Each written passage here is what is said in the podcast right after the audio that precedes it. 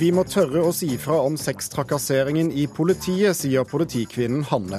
Sjefen hennes ville skjenke henne full og ta henne i toeren. Store norske forhåpninger før kveldens Grand Prix-finale. Tore fra Sofa er klar for årets champagnefest og møter Per Sundnes i ukeslutt. Å være surrogatbarn og ha to pappaer er helt normalt, mener tvillingsøstrene Anna og Nola. Det er ganske hyggelig fortsatt å ha to pappaer. Det føles ut som man har en pappa og en mamma. Det er ikke noe annerledes, egentlig. Men surrogati er forbudt, og nå kan det også bli straffbart. Velkommen til ukeslutt i P1 og P2, der vi også spør om hvor mange rullatorer det er plass til i arbeidslivet. Mitt navn er Thomas Alvarstein Ove. Først skal vi få en nyhetsoversikt av Ulf Tannes Fjell. Likestillingsministeren i Irland sier det går mot et overveldende flertall for homofile ekteskap i landet. Opptellingen etter folkeavstemningen i går er i gang, og også motstanderne av ekteskap mellom to av samme kjønn erkjenner at det går mot et ja. Irland vil med et ja bli det 19. landet i verden som legaliserer likekjønnet ekteskap. Mannen som er pågrepet og siktet for drap i Gjøvik i Oppland, varslet selv om dødsfallet. Den drepte var en mann i 50-årene. Politiet har bedt Kripos om bistand for tekniske undersøkelser, men den siktede har ikke vært i stand til å forklare seg i dag, sier hans forsvarer. I Øvre Årdal i Sogn og Fjordane fortsetter letingen etter en asylsøker som har vært savnet siden torsdag. Den savnede mannen er fra Eritrea, og han forsvant fra Årdal mottakssenter. FNs generalsekretær Ban Ki-moon sier at det må gis høyeste prioritet å redde livet til de asiatiske båtflyktningene. Under et besøk i Vietnam sa Ban at han håper de bakenforliggende problemene kan løses på et regionalt toppmøte om det burmesiske rohingya-folkets skjebne i Thailand på fredag. Den britiske sentralbanken har opprettet en arbeidsgruppe som skal vurdere de økonomiske konsekvensene dersom landet går ut av EU. Arbeidet skulle ha vært hemmelig, men en ansatt i sentralbanken feilsendte en e-post til avisa The Guardian. Statsminister David Cameron har lovet folkeavstemning om britenes EU-medlemskap innen 2017. Og da fortsetter ukeslutt. Hei, jeg heter Anna. Hei, jeg heter Nola. Anna og Nola går i andre klasse. De driver med idrett og korps er altså to helt vanlige jenter, bortsett fra at de er blitt til ved surrogati. Det bør foreldrene bli straffet for, mener Bioteknologirådet. Det er ikke jentene enige i. Det er litt dumt at man kanskje ikke kan gjøre det, fordi hvis man er to menn, så kan man ikke få barn hvis man har lyst. De to jentene, en lyshåret og en mørkhåret, ser pappa på TV. Han diskuterer om surrogati bør bli straffbart med Bioteknologirådet. Når det gjelder dette med altså, å gjøre det straffbart, så er jeg ganske overrasket over at de har kommet fram til en sånn konklusjon. Skjønner dere noe av det her? Eh, kanskje litt. Hva handler dette om, da? Surrogati. Hva er surrogati, da? At noen andre føder liksom for deg, på en måte. Og pappa, det er skuespiller Geir Kvarme, kjent fra teater, Julie Blåfjell og Fredrikssons Fabrikk bl.a. Jeg blir så forbanna når jeg sitter og ser på han eh, Bakken. Altså. Ja? ja? hvorfor blir du forbanna? Nei, Jeg blir forbanna nå når jeg ser det. Nå, når jeg liksom får det sånn på avstand, så syns jeg han har utrolig dårlige argumenter. Vi, vi bidrar inn i samfunnet med to verdensborgere som hvis alt går etter planen, så kommer de til å være eh, et bidrag til bruttonasjonalprodukt i Norge. Det er, eh, jeg syns det er en fin ting å være med på. Vi bygger samfunnet. Vi er ikke kriminelle. Kriminelle de bygger ikke samfunnet. De river ned samfunnet. Nola og Anna har to fedre, Sebastian og Geir. Men også heterofile par som sliter med å få barn, benytter seg av surrogati. De to jentene vet godt hvordan de ble til, der de sitter tett inntil pappa i sofaen. Nei, først tar jeg noen eggene. Ja. Og, og, hun er Kim. Og Kim. Og så fikk Miranda dem, og så fødet hun oss. Og så frøene hadde Sebastian og Geir, ikke sant? Ja, det er, det er, jo nesten som å bli født av mamma. Hun, hun, er jo liksom nesten på en måte og mamma. Men er det viktig for deg at Miranda på en måte er mammaen din? På en måte, altså? Jeg, jeg tenker jo ikke at jeg, Jeg tenker jo ikke at hun er mammaen min. Nei. Jeg tenker jo ikke så veldig mye på det. Nei. Det er jo liksom delt er foreldrene mine. Ja. Så jeg tenker jo kanskje ikke så mye på at henne er liksom min mamma. Nei. Men spør andre barn dere om det? Eh, de spør hvordan vi har blitt født fordi vi bare har to pappaer. Og så er dere da, da? At det var en annen dame som fødte oss. Men tror du det vil ehm, stoppe det at eh, eventuelt å gjøre det straffbart? Da? Tror du det vil stoppe folk som har lyst til å benytte seg av surrogati, fra å gjøre det? Jeg tror at eh, man kan bygge enormt sterke hindre, moralske og eh, juridiske hindre, for at folk eh, ikke skal få barn. Men behovet er så mye større enn alle de hindrene man klarer å bygge. Og her vil folk finne smutthull og finne muligheter til å omgå eh, på en måte sjansen for å bli straffeforfulgt. Og du vil få dannelse av familier i det skjulte og under jorden. Og det syns jeg jeg er en umoralsk måte å, å bli familie på. Men selv om dere har gjort det på en veldig, veldig ordentlig måte, så, så, så, så fjerner det jo ikke det faktum at, som du sier, at det skjer på ikke så ordentlige måter i, i, i fattige land. Så hvordan, hvordan skal vi da forhindre at uh, det skjer på dårlige måter andre steder? Nei, men Du kriminaliserer jo ikke alle som produserer klær, bare fordi at uh, enkelte barn blir uh, misbrukt og, og tvunget til barnearbeid i Bangladesh under konfeksjonsbransjen. Så den norske myndigheter bør gå ut og liksom sette retningslinjer. Akkurat som man har adopsjon i utlandet, så godkende noen klinikker, godkende noen land. Øh, sørge for at nettopp at surrogatmødrene i prosessene blir ivaretatt. Også blir ivaretatt både før fødselen, men også etter fødselen. Sebastian henter fram videoen fra da jentene ble født i USA. Er Ja, pappa klipper navlen. Og Hva er det jeg egentlig driver med? du prøver å venne deg til at du er ute i verden. Se på de små menneskene, du. Å, du var så sinna, Nola. Du lå og knurra til meg. Se da. Det er litt sånn rart å tenke på at nå, liksom, nå skulle det stått politi på utsiden, og så skulle bare tatt oss rett i fengsel, ikke sant? Etter dette her. Det er et rart bilde. Reporter var Linn Beate Gabrielsen.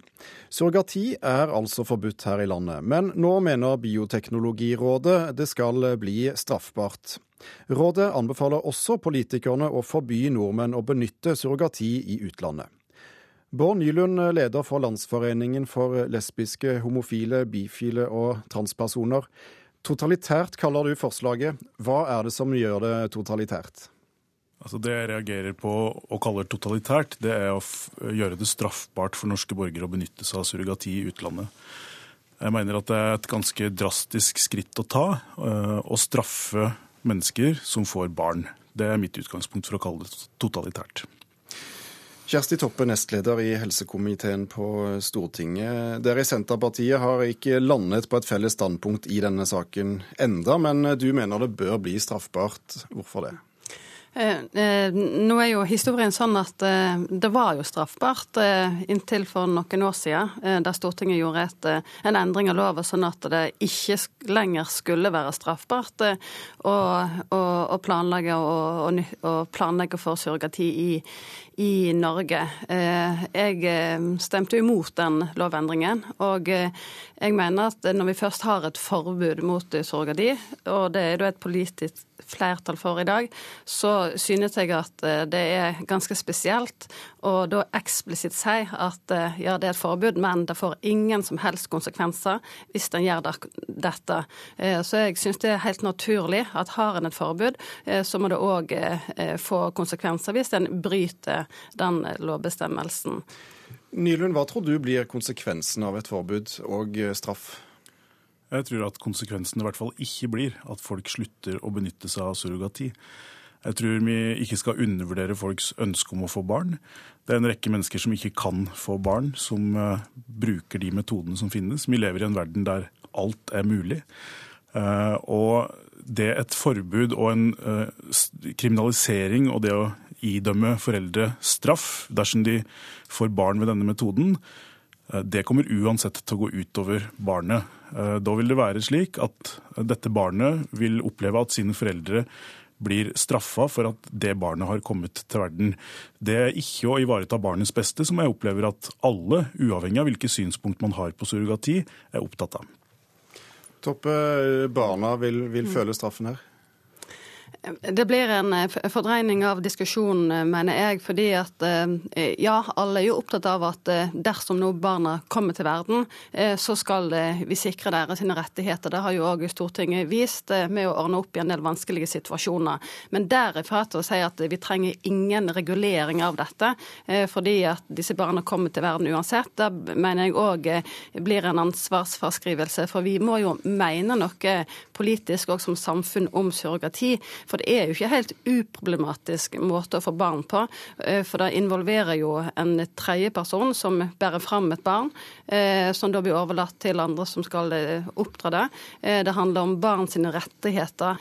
En lar jo barn vokse opp uten å kjenne sine biologiske foreldre. Iallfall i en del av tilfellene når det gjelder surrogati.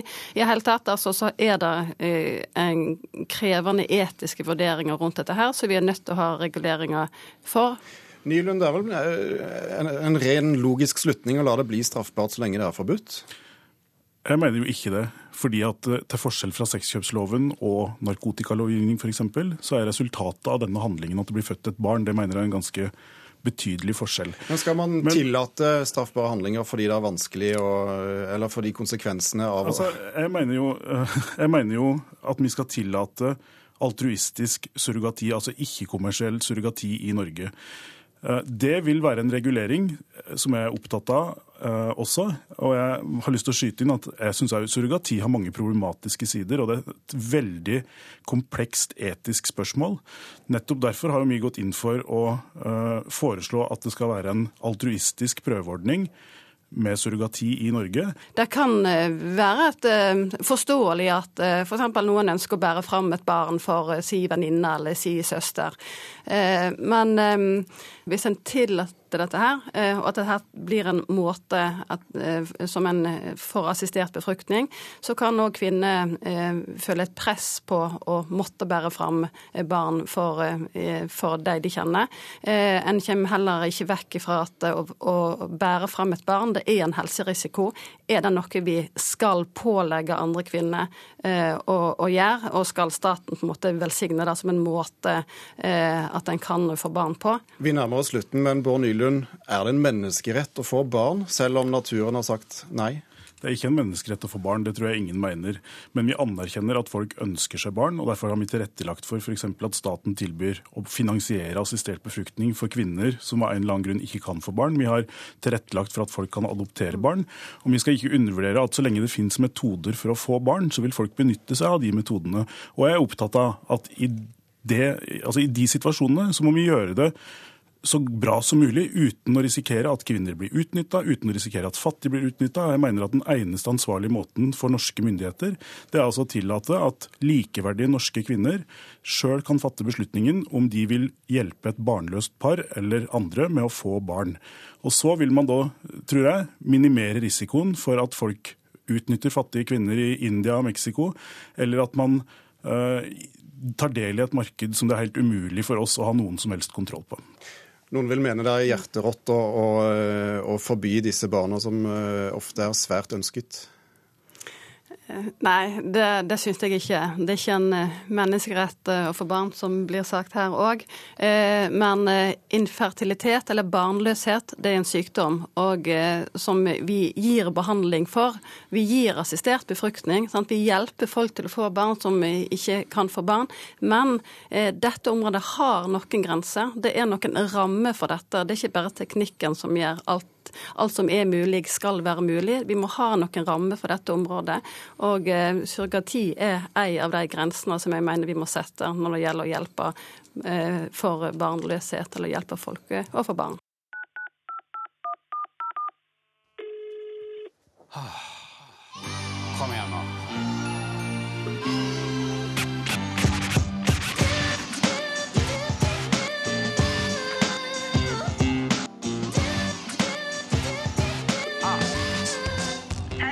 Hei, jeg heter Ravi, og jeg ringer fordi jeg måtte ha tak i deg. Og du husker kanskje meg, ikke det, nei, ok, men jeg kan ikke glemme deg. Hei, jeg heter Ravi, og jeg er bitte litt kortere enn mora di. Jeg har rød bart, rødt skjegg, rødt her og der, så jeg håper du liker ingefær. Jeg blir litt stressa og ringer på dagtid, for jeg møtte deg natta på et party. Du hadde pynta deg og sminka deg lik kvinnene i de skinnende magasinene.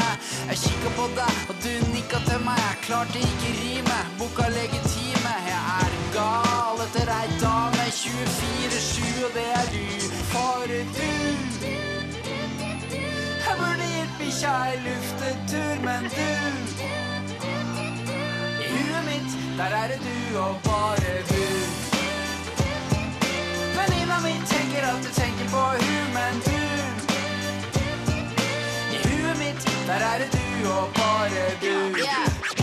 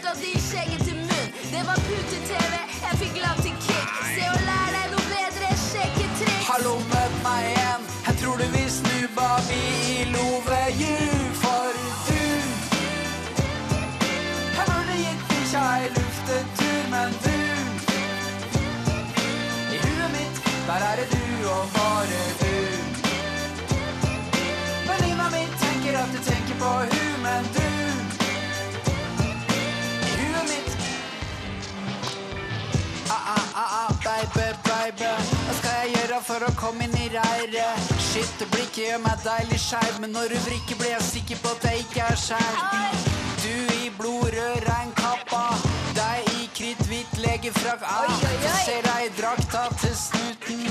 Få kikke på deg helt uten. Jeg burde jo dratt på en aventur Du jeg burde gitt kroppen en såpeskur. Du, du, du, du, du, du, sang Ravi og Stella Mwangi.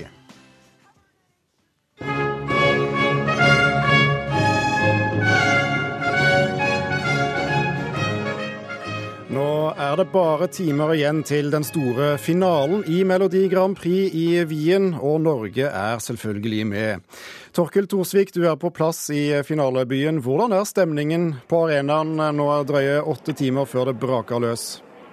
Thomas, her på pressesenteret i Wiener Stadthalle er det litt sånn stille før stormen-stemning. Jeg kan prøve å vekke opp den norske pressedelegasjonen her. Er det noe hva dere tenker? Ja da. det er faktisk ikke lenge til aller siste generalprøve starter, om drøye ti minutter i storsalen vegg i vegg med pressesenteret der vi sitter akkurat nå. Vi har fått en prat med det norske håpet Mørland og Debra Scarlett i formiddag. De kan egentlig melde om full kontroll. De gleder seg, men gruer seg òg til å si ha det bra til alle sammen i, i morgen, forteller de. De sammenligner det her med å være på leirskole og ta et siste farvel. Du, Sverige og Norge er begge spådd å nå ganske høyt opp på listene i kveld. Kanskje Sverige lengst, men eh, tradisjonen tro så er det ordkrig eh, oss eh, brødrenasjoner imellom. Hva handler det om i år? Ja, Kanskje særlig i media har det vært uh, ordkrig nå. Duettparet Mørland og Deborah Scarlett og det svenske storsjarmøren Mons Selmeløv har et uh, godt forhold seg imellom. Når de møtes er det vennskap og varme klemmer, men vi journalister og musikkritikerne er derimot ikke like flinke til å pleie brorskapet alltid når det nærmer seg en uh, MGP-finale. og Årets gjennomgangstema har egentlig vært ordene plagiat og kopi, som er blitt nærmest skutt fram og tilbake over riksgrensa.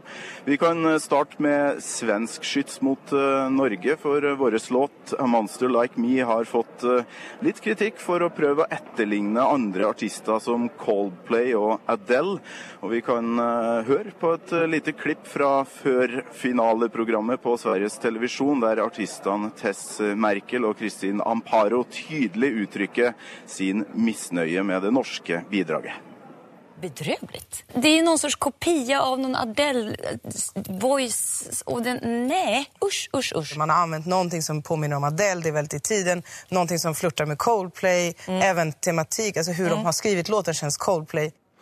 Ja, Er det noe hold i disse påstandene, Torkil?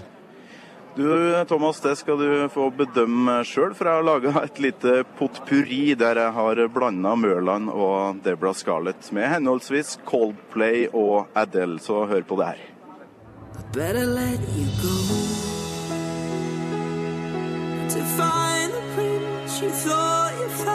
Me. I wrote a song for you and all the things you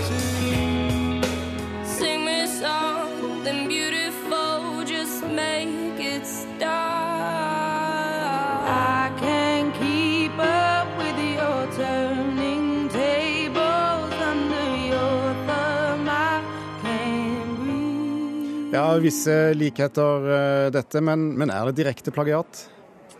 Du, Direkte beskyldninger om plagiat har faktisk ikke kommet mot det norske bidraget, forståelig nok. Det, det svenske derimot, Mons Selmeløvs låt 'Heroes', er ifølge flere kritikere, ikke bare i Norge, men også i andre land, veldig lik fjorårets hit fra storeartisten David Getta, eh, låta 'Lovers on the Sun'. I make worms turn into butterflies, wake up and turn this world around in appreciation. But I got a feeling,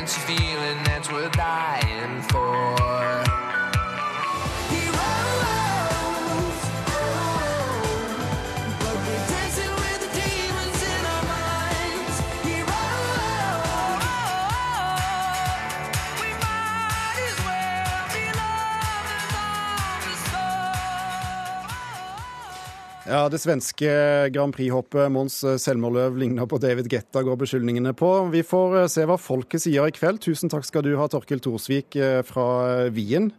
Finalen den sendes på P1 i kveld klokken 21, og der kommenterer du, Per Sundnes. Eh, Sverige er den store favoritten. Bør de vinne?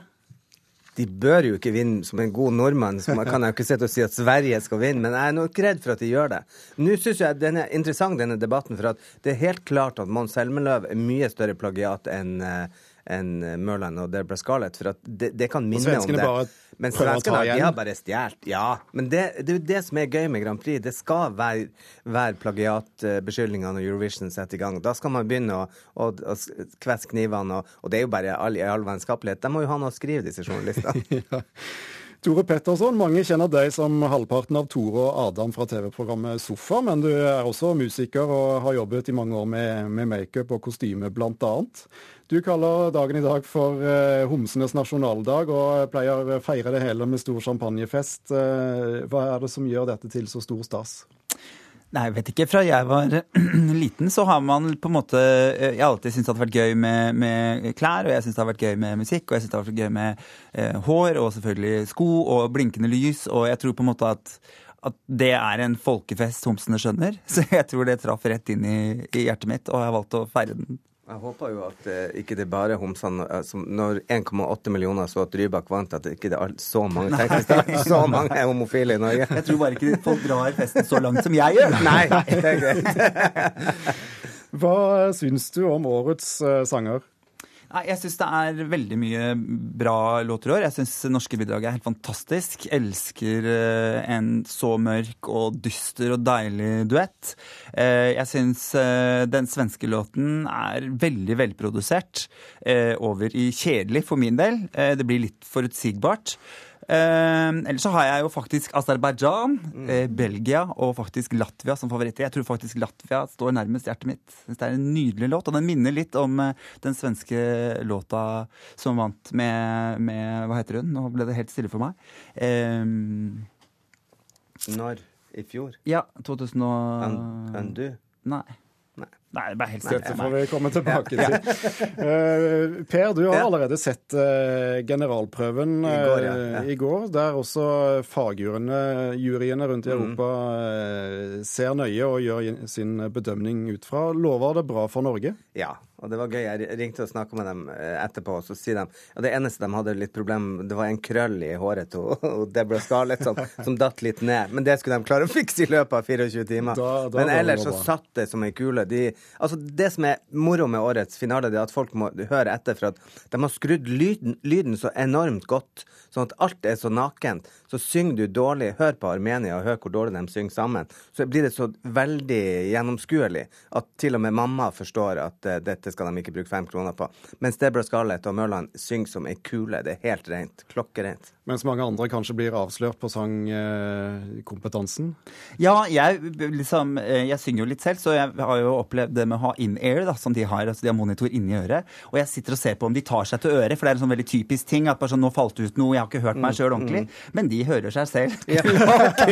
De burde ha tatt seg til øret. og det har vært Ingen tar seg til øret, alle opplevd med bidragsgjest. Det er er veldig interessant. Ja, jeg syns det er veldig gøy å ha hørt at det har vært så mye dårlig. Og det lover godt for konkurransen, for at nå må folk begynne å skjerpe seg i de ulike landene. At de kan ikke sende bidrag som blir latterliggjort. Spesielt unge folk som ikke kan synge. Hva skal vi si om eh, kostymene? Er det mye ekstravaganza i år? De har strippa sceneshow en del ned, da. Selvfølgelig litt skuffa over det. Jeg synes jo Det er jo halve moroa. Se alt de rare tingene, folk som hopper rundt på scenen og henger ifra alle mulige Mm. ting rundt omkring. Eh, Men det er veldig elegant, og det er veldig fint. Og jeg syns scenen er helt Den er helt magisk. Altså, den er Minner minne om Norge. Den gjør det. Ja, Og den, ja, den er, men den er jo storslagen, og jeg liker eh, effekten av at kjolene bare aldri ender med lysene som bare flyr oppover veggen fra gulvet. og- Så nei da, det dunka hardt i hjertet mitt. Og så kan vi love at det blir et sånn Conchita Orama i kveld, for at hun får da liksom lov til å opptre tre ganger i løpet av sendinga. Noe som eh, aldri hadde skjedd i Norge. Eh, hva skal vi konkludere med? Sverige vinner. Norge kommer høyt opp. Vi får en medalje, ikke sant? Ja, jeg tror vi kan få en medalje, og jeg tipper kanskje faktisk Russland også kommer inn der. Jeg pleier å si at homser er politiske helt til det kommer en nydelig kjole. Så, litt så det er et nydelig show de har gjort. For det er bitte litt politikk oppi dette showet. Absolutt. Masse politikk. Og du ser jo det, Ukraina er ikke med. Hvorfor det? Altså, det, det er mange ting som skjer i Og Europa. mange, fryktelig mange synger om at verden skal bli et flott og fredelig fredelig ja, ja, sted. ja. Og, det, og Armenia gjør alt de kan for å være politisk uten å være det. Med seks nasjoner på scenen. Vi skal følge med. Vi må unne oss eh, litt mer av det norske bidraget helt til slutt. Det er altså Mørland og Deborah Scarlett som representerer oss i kveld. Låten heter A Monster Like Me. Honey, what am I to you? I have pulled the trigger on this awful truth. Oh, hold me now, cause I'm burning up. Sing me something beautiful, just make it stop. I better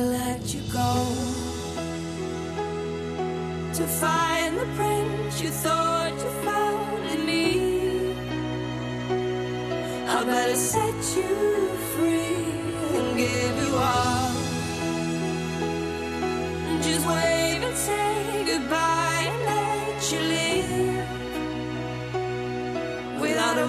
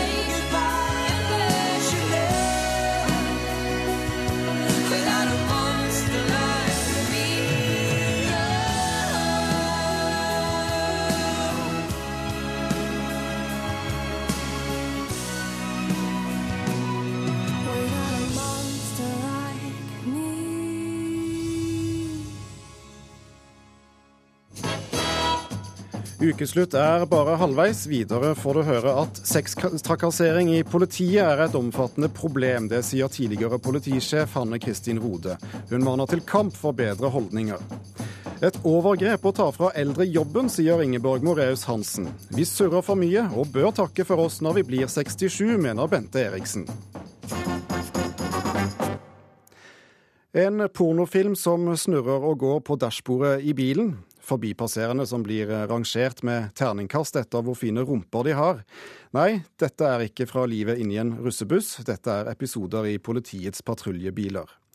I en kronikk i Dagbladet denne uken beskrev to politikvinner sextrakasseringen de ble utsatt for da de var i praksis i etaten. En av oss opplevde helt i begynnelsen av praksisåret å åpne døra på bilen hun skulle vente i, bare for å finne en iPad på dashbordet med en pornofilm som snurret og gikk. Det var en av oss som fikk en tekstmelding med bilde av en kollega liggende naken på en seng. Det var visst ment som en spøk. Porno på iPaden i tjenestebilen og nakenbilde av en mannlig kollega. Dette var noe av det to politikvinner hevder de opplevde i praksis som politistudenter. Å lytte til kollegaen din kommentere rumpene på kvinner du kjører forbi, og, og høre han dele ut terningkast på puppene for å sjekke om du er enig, det er ganske flaut og vanskelig å forholde seg til. De to som skriver anonymt i Dagbladet, mener det ikke er mulig mulig å si fra om sextrakassering i politiet uten at det får konsekvenser for varslerens videre karriere. Som studenter var vi ganske avhengige av å ha en god kjemi med veilederne våre for å få en bestått karakter og kanskje en anbefaling. Episoder som opplevdes ubehagelige, ble derfor noe man måtte bite i seg. Mm. I en blå sofa sitter Hanne Finanger og leser kronikken fra politikvinnene med brune, alvorlige øyne. Jeg ble ikke overraska. 39-åringen har langt brunt hår i en hestehale og er kledd i en mørk drakt. Hun er pen, passe høy og slank.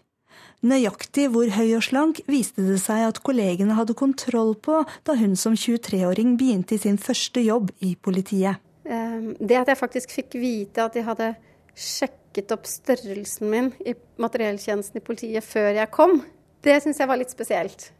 Eh, det var på en måte det første jeg fikk som var litt sånn ja, kroppsfokusert. I 2007 drar Finnanger og kollegene på hyttetur. Hun er 32 år og skal snart rykke opp til å bli innsatsleder. Men på festen samme kveld er det noen som mener at den kommende sjefen passer bedre til noe annet. Der blei jeg som person og som kvinne og som øh, ja, objekt gjenstand for en del seksuelle bemerkninger og fantasier og uttalelser. Uh, I et fellesskap der jeg ikke var til stede, men jeg, jeg, hørte det. For jeg lå sånn vegg i vegg at jeg hørte det som ble sagt. I dommen fra arbeidsretten står det at Finangers 17 år eldre sjef uttaler at han ville skjenke henne full og ta henne i toeren, altså ha analsex med henne. Sexfantasien hadde visstnok vært tema i patruljebilen til hytta også, og det ble hinta om toeren mens Finanger var til stede. Da hun gikk og la seg, innleda sjefen hennes en høylytt diskusjon med kollegene hun skulle bli sjef for. For hvordan skulle de få skjenka denne pripne, kristne kvinnen full, og hvordan skulle de så ha sex med henne? Eh, og det var såpass nedverdigende og stygt, eh, opplevde jeg det som. Husker du hva du tenkte da, når du lå og hørte på dette? Ja, jeg tror det er mange som ikke den gangen, og kanskje ikke nå heller forstår hvorfor det var så vanskelig. men det har nok noe med dette maktforholdet å gjøre. Altså at du mm, Han var en du skulle ha tillit til, og som du faktisk så opp til. Eh, og så følte du at du bare ble behandla som en ting, og som et objekt. Eh, og dratt ned i søla, på en måte. Finanger sier fra til sjefen og til de andre som var på festen, men sliter med å få sove og fungere i jobben i tida etterpå. En kvinnelig sjef får ut av henne hva som er skjedd, og så begynner ballen å rulle. Finangers sjef blir degradert, men protesterer. Og på politistasjonen oppstår det en isfront. Så en del av de som tok hans parti, da, de opplevde jeg det som snudde ryggen til meg. da. Eh, valgte å ikke snakke med meg, valgte å ikke eh, være til stede når jeg kom inn i rommet f.eks. Så det, det ble veldig vanskelig å være på jobb. De som støtta sjefen hennes, mener Finanger har bedt om det. Ja, nei, Jeg fikk jo høre at jeg var litt prippen og litt skjør, da. Uh, ja, jeg ble vel kalt frøken Bibelstripp, egentlig. De antyda at du hadde lagt opp til det selv, eller? Ja, uh, deler av dette miljøet ønska vel kanskje også å si det at jeg gikk utfordrende kledd, og at, uh, ja, at jeg var en som egentlig ønska denne type oppmerksomhet. da. Angra du da på at du hadde sagt noe? Jeg har vel aldri vært i tvil om at eh, det de gjorde var eh, feil, for jeg opplevde det veldig feil. Jeg har aldri vært i tvil om at det var riktig å varsle ifra. Eh, men i ettertid så syns jeg jo at prisen har vært høy å betale. Fikk du vite om lignende tilfeller? Ja, det var jo litt spesielt, for det var, det var ingen som på det tidspunktet noen gang hadde snakka om eller varsla om at det hadde foregått ting. Og sånn sett så kan man jo tro at ikke det foregår noe, når ingen sier noe. Eh, Men idet jeg valgte å si noe, så var det veldig mange kvinnelige politibetjenter, eller av de som hadde vært på øh, vakt og beredskap tidligere, og som kanskje var flytta andre steder i systemet, som kom og sa at de hadde opplevd lignende ting. da. Faktisk verre ting enn det jeg har opplevd. Som var mye mer fysisk og direkte, annet enn bare verbalt, sånn som jeg opplevde. Men som ikke hadde turt å varsle, da. Ja, hvorfor ikke? Ja, det sa jeg òg. Jeg prøvde jo å henvende meg til de litt i forhold til at hvis dere kanskje hadde gjort det, så hadde vi sluppet, eller jeg sluppet i dag. Det var flere andre jenter som tok til orde etter at Finnanger selv hadde kjørt sin sak. Og det har vi også opplevd i etterkant av Dagbladet-oppslaget. Karin Aslaksen er sjef for HR, eller menneskelige ressurser, i Politidirektoratet. Hun håper flere vil melde fra dersom de opplever seksuell trakassering i politiet. Jeg syns det er trist å høre at de eh, opplever det som vanskelig å si ifra, og at de som eh, igjen disse to som, som sa ifra i Dagbladet, opplever det som fortsatt krevende å ikke kunne si ifra i full åpenhet, men må si ifra anonymt. Men hva hjelper det hvis man varsler anonymt? Da vet jo ikke dere verken hvem eller hvor dette skjer. Men allikevel så mener jeg det er viktig at eh, det blir sagt ifra, for det vil gi eh, meg som HMS-ansvarlig og HR-ansvarlig i eh, politietaten, og også andre ledere, et grunnlag for å se hvor stort dette problemet er. Noe av det som jeg synes har vært viktig gjennom denne prosessen, at det faktisk ble en veldig tydelig dom som kan få lov til å være med å sette en slags presedens på hva, hva skal vi tillate oss i arbeidslivet. Hanne Finanger måtte ta noen års pause fra politiet, men er nå tilbake som koordinator for familievold og seksuelle overgrep i Sør-Trøndelag politidistrikt. Og selv om hun fikk gjennomgå, er hun ikke enig med de to anonyme politikvinnene i Dagbladet om at sextrakassering er noe det er umulig å melde fra om. Jeg tror kanskje at vi er nødt til å tørre å bli kalt litt prippende, da. Tørre å si fra. Eh, for det handler litt om de små tingene, og det handler om å kanskje statuere et eksempel også på vegne av andre innimellom. Hvis det, hvis det er terningkast som, som, slenges på damer utenfor politibilen. Og, og, og, prøve å ta det litt i, i hverdagen tror jeg kan være lurt, og ikke nødvendigvis vente til det eksploderer. Og Ukeslutt har eh, vært i kontakt med den tidligere politimannen som ble degradert pga. sextrakassering, men han ønsker ikke å gi noen kommentarer til eh, NRK. Reporter i innslaget var Kari Li. Hanne Kristin Rode, tidligere leder for seksjon for volds- og eh, seksualforbrytelser i Oslo politidistrikt. Pornofilm på dashbordet og terningkast på puppene til damer utenfor politibilen. Er dette beskrivelser du kjenner igjen? Jeg kjenner det ikke igjen i den forstand at jeg har opplevd det selv, eh, men jeg kjenner det igjen ut fra hva jeg har blitt fortalt, bl.a. etter at jeg har skrevet kronikker som, om ledelse og makt. Eh, og vi er jo også etter denne reportasjen nå i ukeslutt langt forbi spørsmålet om det skjer eller ikke. Vi er jo på spørsmålet hva gjør vi med det. Eh, og jeg er jo veldig enig i denne kvinnen som sier at dette er på ingen måte umulig, men det kan oppleves umulig. Og det blir litt av utfordringen til de som nå sitter eh, som ledere. For så lenge kvinner opplever at det er umulig, så er det en eller annen type frykt det er for noe eh, som holder dem igjen. For det er jo ingen som syns det er ålreit. Det er ingen som syns det er greit å stå på tredemølla og at det kommer bort en og sier 'jeg får så eh, gode seksuelle fantasier når jeg ser deg bakfra'.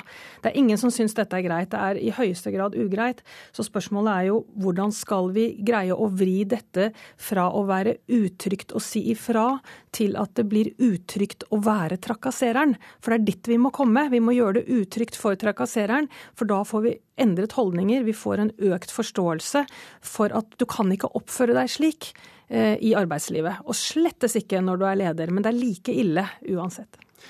Grete Metli, du har eh, Rodes jobb i dag i Oslo-politiet. Overrasker disse historiene deg?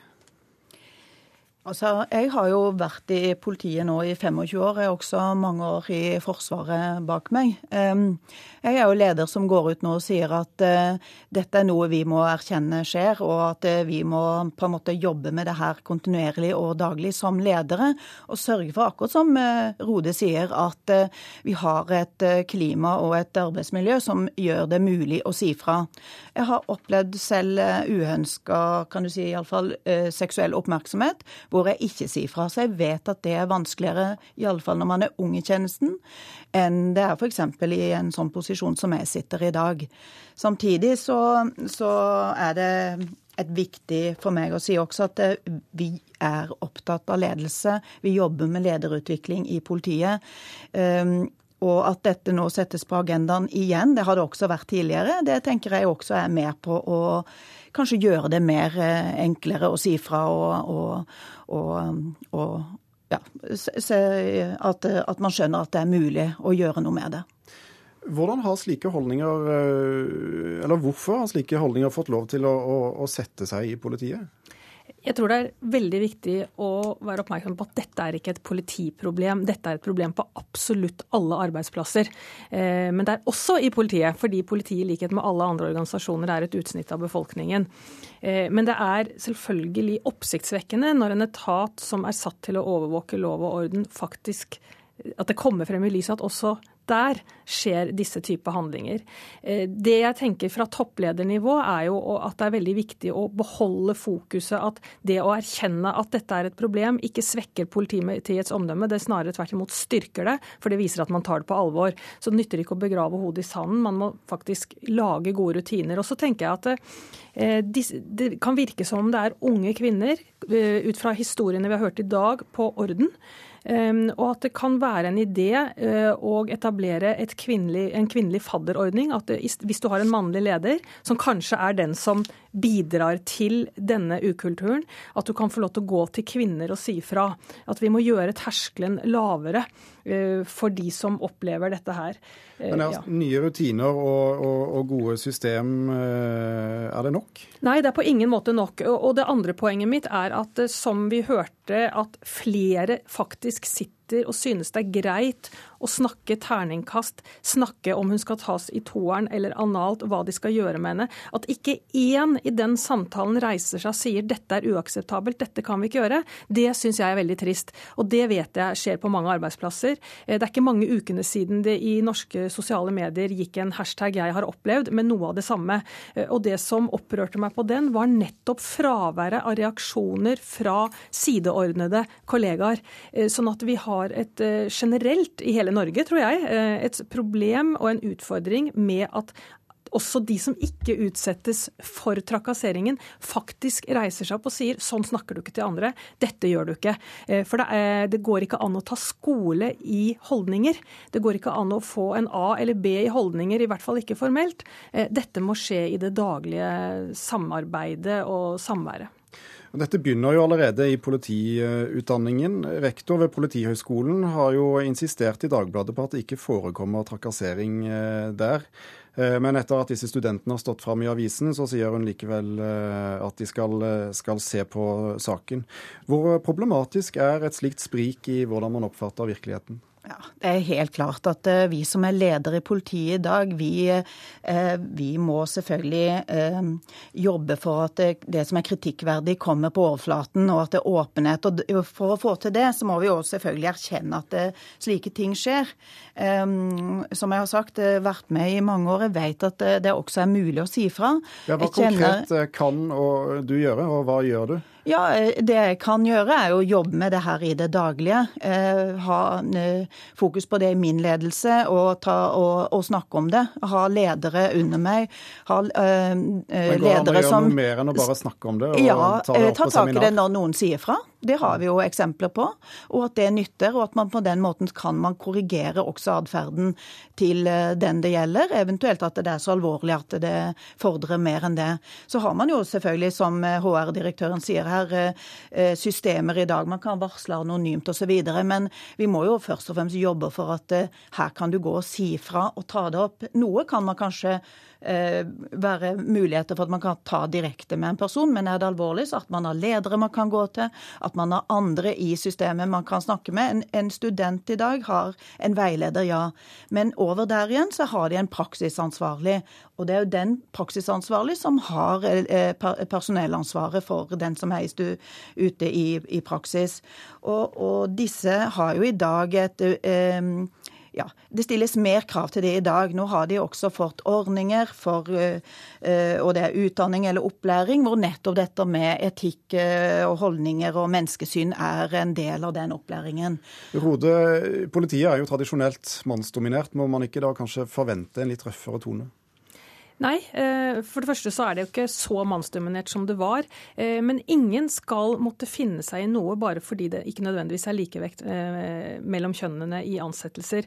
Det er ugreit å få et nakenbilde tredd opp i ansiktet når du ikke har oppfordret til det selv.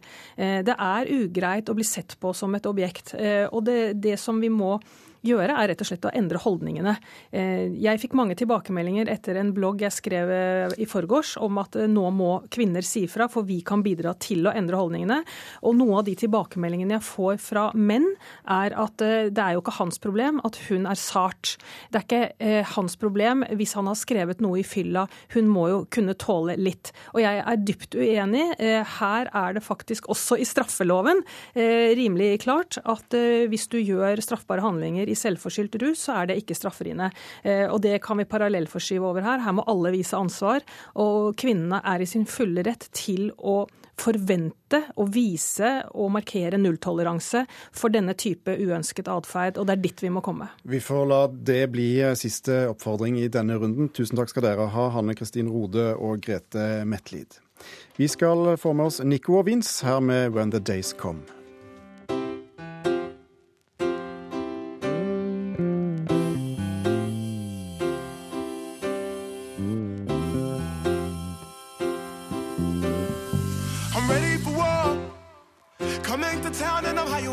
In the city of gold.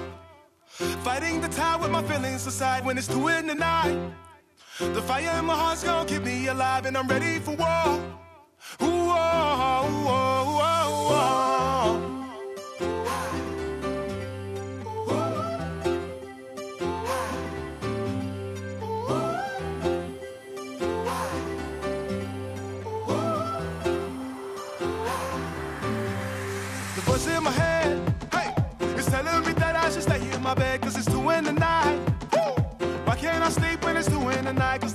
My soul, hey, the fire in my soul got me ready to fight and I'm ready for war.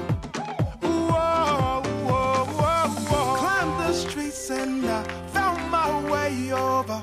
You know I've been so lost in translation, like I'm fighting for truce in Babylon, trying to find my peace in the zone of war. Even when the day comes, yeah.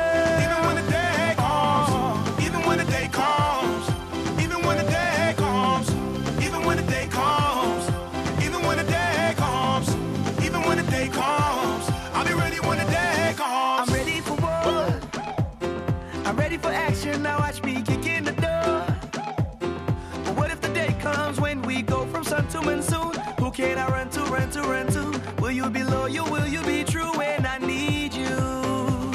Say, climb these streets and I found my way over. You know I've been so lost in translation, like I'm fighting for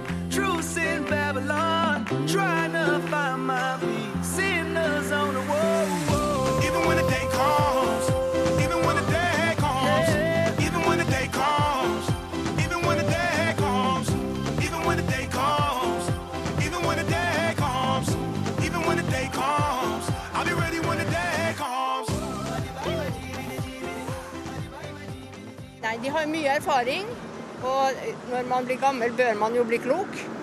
Og denne klokskapen bør man jo eh, ta, dra nytte av. Det kommer så veldig an på hva du jobber med. Noen er jo veldig spreke. Mannen min, han jobber enda. Det er fra ukeslutt. Jeg er 71, jeg jobber enda, jeg. Man blir sliten.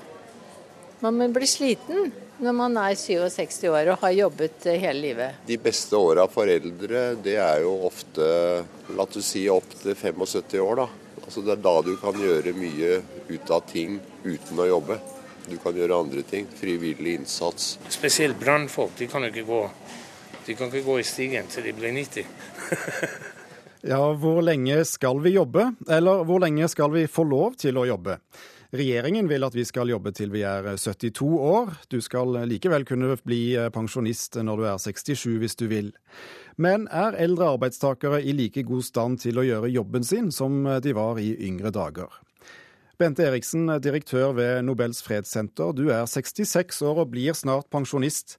I et intervju med Aftenposten konkluderte du med et nei. Hvorfor det? Jo, jeg mener at eh, det er faktisk så hardt i arbeidslivet nå i dag at når man er 67, så har man rett og slett ikke kapasitet til å henge med i de fleste jobbene. På hvilken måte? Nei, jeg, skrev jo, eller jeg sa, og jeg mener jo faktisk, at uh, man endrer seg litt når man blir eldre. Man husker dårligere, man oppfatter ting senere, ting går litt langsommere, kroppen protesterer mer. Og dette har jeg fått altså siden jeg sa det, uh, og jeg, var, jeg må si jeg var veldig i tvil om jeg skulle si det. Uh, så jeg har fått så mange henvendelser om at folk syns det er bra at det også blir tatt opp i denne diskusjonen om pensjonsalder. Jeg sier ikke at jeg har rett, men jeg sier at det er veldig viktig at man også diskuterer det. Ingeborg Moreus Hansen, tidligere kinodirektør i Oslo. Bente Eriksen faller i fellen om at eldre sperrer for fremskritts- og fremgang, svarte du i eh, avisen. Hva legger du i det? Ja, altså jeg, Du spurte om, om man altså kan fortsette i jobben sin etter at man er 67 år. Og dette med jobben sin, det er ikke jeg så opptatt av. Jeg syns bare man skal ha en jobb. Eh, det er klart at eh, som kinodirektør skulle jeg gjerne vært her til jeg ble 90, men, eh, og Bente burde være til hun ble 90. Men det er ikke så viktig å ha den kanskje jobben sin som det å få lov til å gå til en jobb. Det er menneskerett at man skal få ha pensjon. Men det er også en menneskerett å få lov til å ha et arbeid hvis man vil ha et arbeid. Og, og det, jeg føler det som et overgrep at man på et klokkeslett og en dato må gå fra en jobb. Så er det jo det at den beskrivelsen av at vi ikke henger med, og at ikke vi er raske nok og ikke sånn, det skjer jo nå stadig lenger og lenger ut i livsløpet. Jeg tror at det er så mange flinke, flotte, aktive, sterke og viktige og verdifulle mennesker for fellesrom helt opp i både 70 og 80 og kanskje 90. Bent Eriksen, du må få svare på dette. Et overgrep å ta fra eldrejobben? Ja, altså For det første så har jeg jo ikke sagt at eldre sperrer for fremskritt og, skritt og fremgang. Jeg har overhodet ikke sagt det. Jeg har sagt at man bør kjenne sin besøkelsestid. Og for mitt vedkommende i en moderne museumsbedrift så tror jeg det er veldig bra faktisk å tørre å la yngre ta over. Så er det fremstillelse som om jeg ser på alderdommen som ynkelig. Overhodet ikke. Ingeborg har jo... jo Du beskriver oss jo som utgått og avgått og Nei, seine. Nei, jeg sier at vi er litt treigere enn det vi var. At vi oppfatter ting senere. Vet du, jeg kjenner ingen på min alder som ikke passer til den karakteristikken. Så jeg... Merker du selv at det går eh, saktere, ja, og hukommelsen kanskje svikter litt? Ja, men ellers hadde jeg vel ikke sagt det. Ja, jeg syns altså at jeg henger ganske godt med fortsatt. Og, og, og jeg må si også at uh, dette med at vi eh, vi lever jo en tid hvor det går rasende fort, og det er veldig krevende å henge med. Bevare meg vel. Men på den, på den annen side så er det jo viktig at noen tar en lengre tenkeprosess.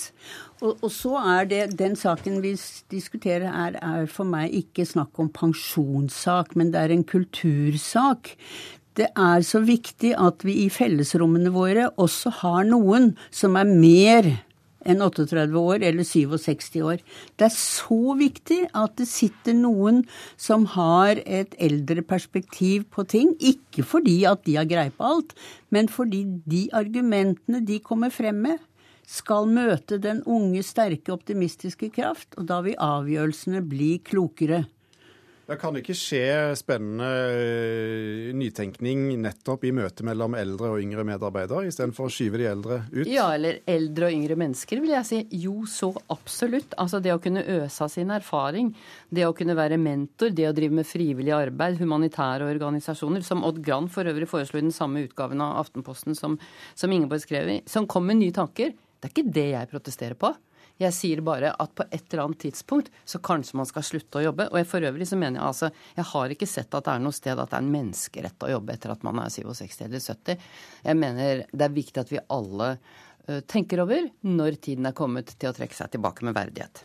Det er litt nifst hvis da man fra 67 til man blir 90 år liksom ikke skal kunne være med i, i det som jeg kaller fellesrom. Det er jo altfor få som sitter rundt kongens bord. Altfor få som sitter i storting og styringsverk. Og så går man da ut i, i den store i, i den store kosen, som jeg kaller det. Også dette med frivillighet. Norge stanser hvis ikke vi har frivilligheten. Det er helt klart. Men det er også et pynteforkle for ikke å ta, eh, ta arbeidslivsmulighetene på alvor for mennesker som er 70 år og opp i 80 år. 8. januar eh, 2016, Bente Eriksen. Da har du blitt 67 år. Er det rett på eldresenteret da? Nei, jeg hadde ikke tenkt det. Jeg tenker at for eksempel både Ingeborg og jeg er jo i den heldige situasjonen at vi også kan gå til styrearbeid og sånt noe. Jeg har overhodet ikke tenkt å legge på lokket. Jeg har masse å gjøre, jeg ser frem til det. Jeg syns jo det er en desavouering av frivillige organisasjoner å si at arbeid med dem er et pynteforkle. Det er et utrolig viktig arbeid som det er altfor få hender til å gjøre i dette landet. Så sånn sett så tenker jeg at det kan være veldig, veldig bra.